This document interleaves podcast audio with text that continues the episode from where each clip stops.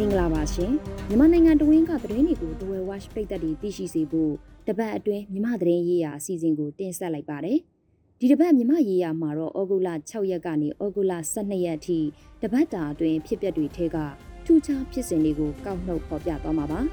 ဒီအစီအစဉ်ကိုဒဝဲ watch ဝိုင်းတော်သားတွေကစီစဉ်တင်ဆက်ထားတာပါ နိုင်ငံလုံးပြစ်ခတ်တိုက်ခိုက်မှုသဘောတူစာချုပ် NCA ကိုလိုက်နာစရာအကြောင်းမရှိတော့ဘူးလို့ကရင်မျိုးသားအစည်းအရုံး KNU ဘက်ကပြောဆိုလိုက်ပါတယ်။ NCA စာချုပ်ရဲ့နှလုံးသားလို့ပြောလို့ရတဲ့အခန်းတစ်အခြေခံမူတွေကိုစစ်ကောင်စီတပ်ကနင်းချေဖျက်ဆီးပစ်တာကြောင့် NCA မရှိတော့ဘူးလို့ KNU အထွေထွေတွင်းရေးမှူးဘဒိုစောတာတူမူကပြောပါတယ်။ KNU 18ကြိမ်မြောက်ကွန်ဂရက်အပြီးရက်တရာပြည့်ဖြစ်တဲ့ဩဂုတ်လ10ရက်နေ့မှာပြုလုပ်တဲ့သတင်းစာရှင်းလင်းပွဲမှာ အခုလိုပြောဆိုလိုက်တာပါ NCA စာချုပ်အခန်း1မှာအခြေခံမူ17ချက်ပါဝင်ပါတယ်အဲ့ဒီထဲမှာနိုင်ငံရေးပြဿနာကိုစီရေးနီးနဲ့မဖြေရှင်းပဲနိုင်ငံရေးနီးနဲ့ပဲဖြေရှင်းမဲ့နိုင်ငံရေးယဉ်ကျေးမှုတစ်တရက်ထူထောင်ပြီးလက်နက်ကင်ပြိပခကိုအဆုံးသတ်ဖို့ဆိုတဲ့အချက်ပါဝင်ပါတယ်ဒါပေမဲ့အာနာသိန်းကာလမှာကရင်ပြည်နယ်အတွင်းစီရေးတွေပြင်းထန်လာချိန်မှာ KNU ဘက်ကအခုလိုထုတ်ဖော်ပြောဆိုလာတာပါ စစ်ကောင်စီက NCA ကိုတုံးပြီးနိုင်ငံတကာနဲ့ပြည်သူလူထုကိုလှည့်စားတာတွေလှုပ်လာရင် KNU နဲ့မဆိုင်ဘူးလို့လည်းပြောဆိုထားပါတယ်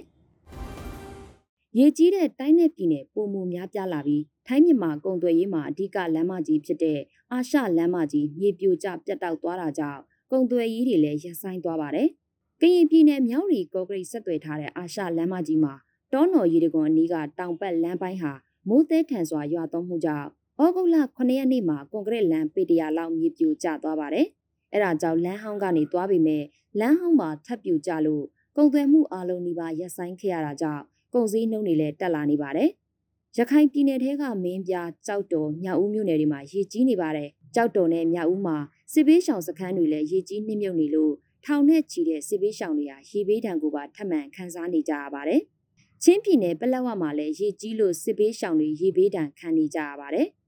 ပဲခူးတိုင်းမှာလည်းမြို့ပေါ်ရက်ွက်တွေနဲ့ကြီးရွာတွေမှာရေကြီးနေလို့လူတထောင်ကျော်အရေးပေါ်ရွှေ့ပြောင်းခဲ့ရပါတယ်။မြို့ပေါ်လမ်းမတွေမှာဆိုရင်လှေတွေနဲ့တွာလာနေကြတာတွေတွေ့ရပါတယ်။ရှမ်းပြည်နယ်မူဆယ်မြို့နယ်ထဲကကြေးရွာတချို့မှာလည်းရေကြီးနှိမ့်မြုပ်တာတွေရှိနေပါတယ်။မွန်ပြည်နယ်ဘီလင်းမြို့နယ်မှာဆိုရင်ရေကြီးတာတွေကြောင့်လူ8000ကျော်ကိုရွှေ့ပြောင်းထားရပြီးကြံမြောမြို့နယ်မှာဆိုရင်စာတင်ကျောင်းတွေယာယီပိတ်လိုက်ရပါတယ်။ပြီးခဲ့တဲ့သတင်းပတ်ကဆိုရင်မွန်တနင်္သာရီမကွေးတို့မှာရေကြီးတာတွေဖြစ်ခဲ့ပြီး အခုသတင်းပတ်မှာတော့ရေဘေးဒဏ်ခံရတဲ့တိုင်းနယ်ပြည်နယ်တွေပိုများလာတာဖြစ်ပါတယ်။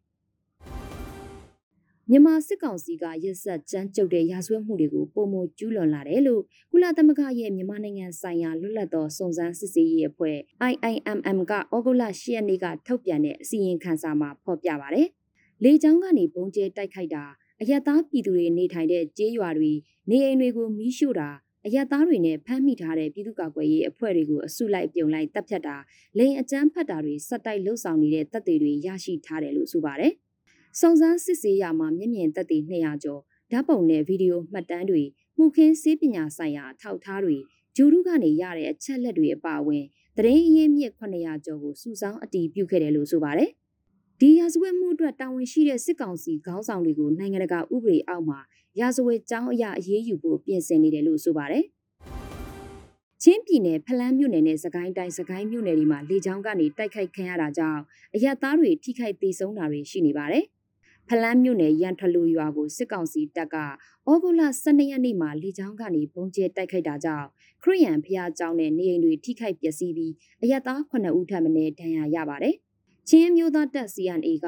ဖလန်းမှာရှိတဲ့စစ်ကောင်စီတပ်ကိုတွားရောက်တိုက်ခိုက်ပြီးနောက်မှာ စစ်ကောင်စီတပ်ကလက်နက်ကြီးနဲ့လေကြောင်းကနေပစ်ခတ်တာလို့ဆိုပါတယ်။စကိုင်းမြို့နယ်တလိုင်းရွာမှာလည်းဩဂုတ်လ17ရက်မနက်အစောပိုင်းမှာစစ်ကောင်စီတပ်ကချက်တိုက်လေရင်နဲ့ပုံကျဲလို့ရှစ်လသားအရွယ်ကလေးတဦးနဲ့မိခင်ဖြစ်သူအပြင်နောက်ထပ်အမျိုးသမီးကြီးတဦးသေဆုံးပြီးအရက်သား30ကျော်ထိခိုက်ဒဏ်ရာရခဲ့ပါသေးတယ်။စစ်ကောင်စီထိန်းချုပ်ထားတဲ့နိုင်ငံတော်ပိုင်ဗန်ကြီးနှစ်ပန်နဲ့ငွေကြေးလွှဲပြောင်းတာတွေမလုပ်ဖို့အမေရိကန်အစိုးရကတတိပေးလိုက်ပါတယ်။ နိုင်ငံခြားကနေစစ်လက်နက်ပစ္စည်းတွေဝယ်ယူရမှာနိုင်ငံခြားငွေကြေးသုံးစွဲမှုအဆင့်ပြေချုံးမွေးစေရေးအတွက်အခရာကြတယ်ဆိုပြီးမြမနိုင်ငံခြားကုန်သွယ်မှုဘဏ် MFTB နဲ့မြမယင်းနှီးမြှုပ်နှံမှုနဲ့ကုသန်းရောင်းဝယ်ရေးဘဏ် MICB ဘဏ်ကိုအမေရိကန်ကပြီးခဲ့တဲ့ဇွန်လ22ရက်နေ့မှာတန်ခတ်ပိတ်ဆို့အရေးယူထားတာပါဒဒီဘဏ်နှစ်ခုနဲ့ပတ်သက်လို့ငွေကြေးလွှဲပြောင်းမှုအားလုံးကိုဩဂုတ်လ9ရက်နေ့နောက်ဆုံးထားလှုပ်ဆောင်ဖို့ပြောဆိုထားပြီးဒီနောက်ပိုင်းမှာလွှဲပြောင်းတာတွေလုပ်ရင်စောင့်ကြည့်အရေးယူမယ်လို့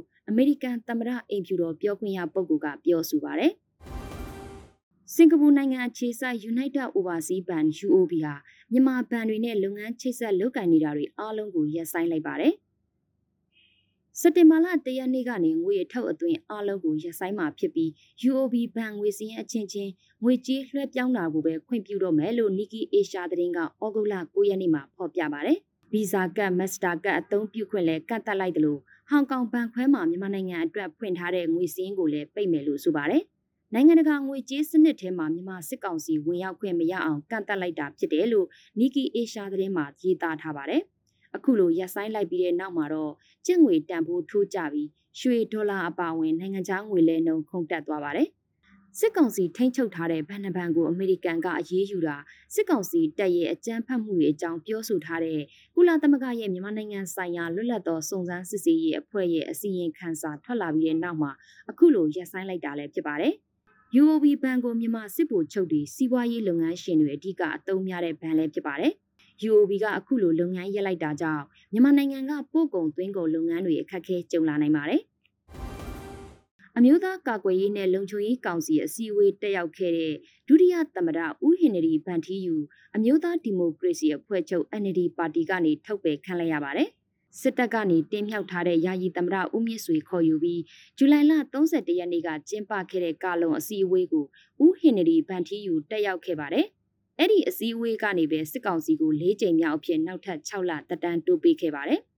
ကာလုံအစည်းအဝေးတက်ရောက်တာဟာစစ်ကောင်စီနဲ့ပူးပေါင်းဆောင်ရွက်တာဖြစ်လို့ပါတီကနေထုတ်ပယ်လိုက်တယ်လို့ NLD ကဩဂုတ်လ9ရက်နေ့မှာထုတ်ပြန်ပါတယ်။ဒုတိယသမ္မတအဖြစ်ပါတီကယုံကြည်စွာတာဝန်ပေးခဲ့ပေမဲ့အခုအချိန်မှာပြည်သူလူထုကိုပေးအပ်ထားတဲ့ဂတိတစ္ဆာချိုးဖောက်လို့ထုတ်ပယ်ရတာလို့လည်းဆိုပါတယ်။မြန်မာစစ်ကောင်စီကိုစစ်လက်နက်တင်ဖို့ရောင်းချတာပိတ်ပင်ထားဆဲဖြစ်တယ်လို့တောင်ကိုရီးယားနိုင်ငံသားရေးဝန်ကြီးဌာနကထုတ်ပြန်ပါတယ်။ တောင်ကိုရီးယားမှာပြုလုပ်တဲ့လက်နက်အယောင်ပြပွဲမှာစစ်ကောင်စီတန်အမတ်ကိုဖိတ်ကြားခဲ့တဲ့အတွက်အလွန်စိုးရိမ်တယ်လို့ကုလသမဂ္ဂရဲ့မြန်မာနိုင်ငံဆိုင်ရာလူ့အခွင့်အရေးကိုယ်စားလှယ်မတ်စတာတွင်အန်ဒူးကတောင်ကိုရီးယားအစိုးရကိုစာပို့ခဲ့တာပါ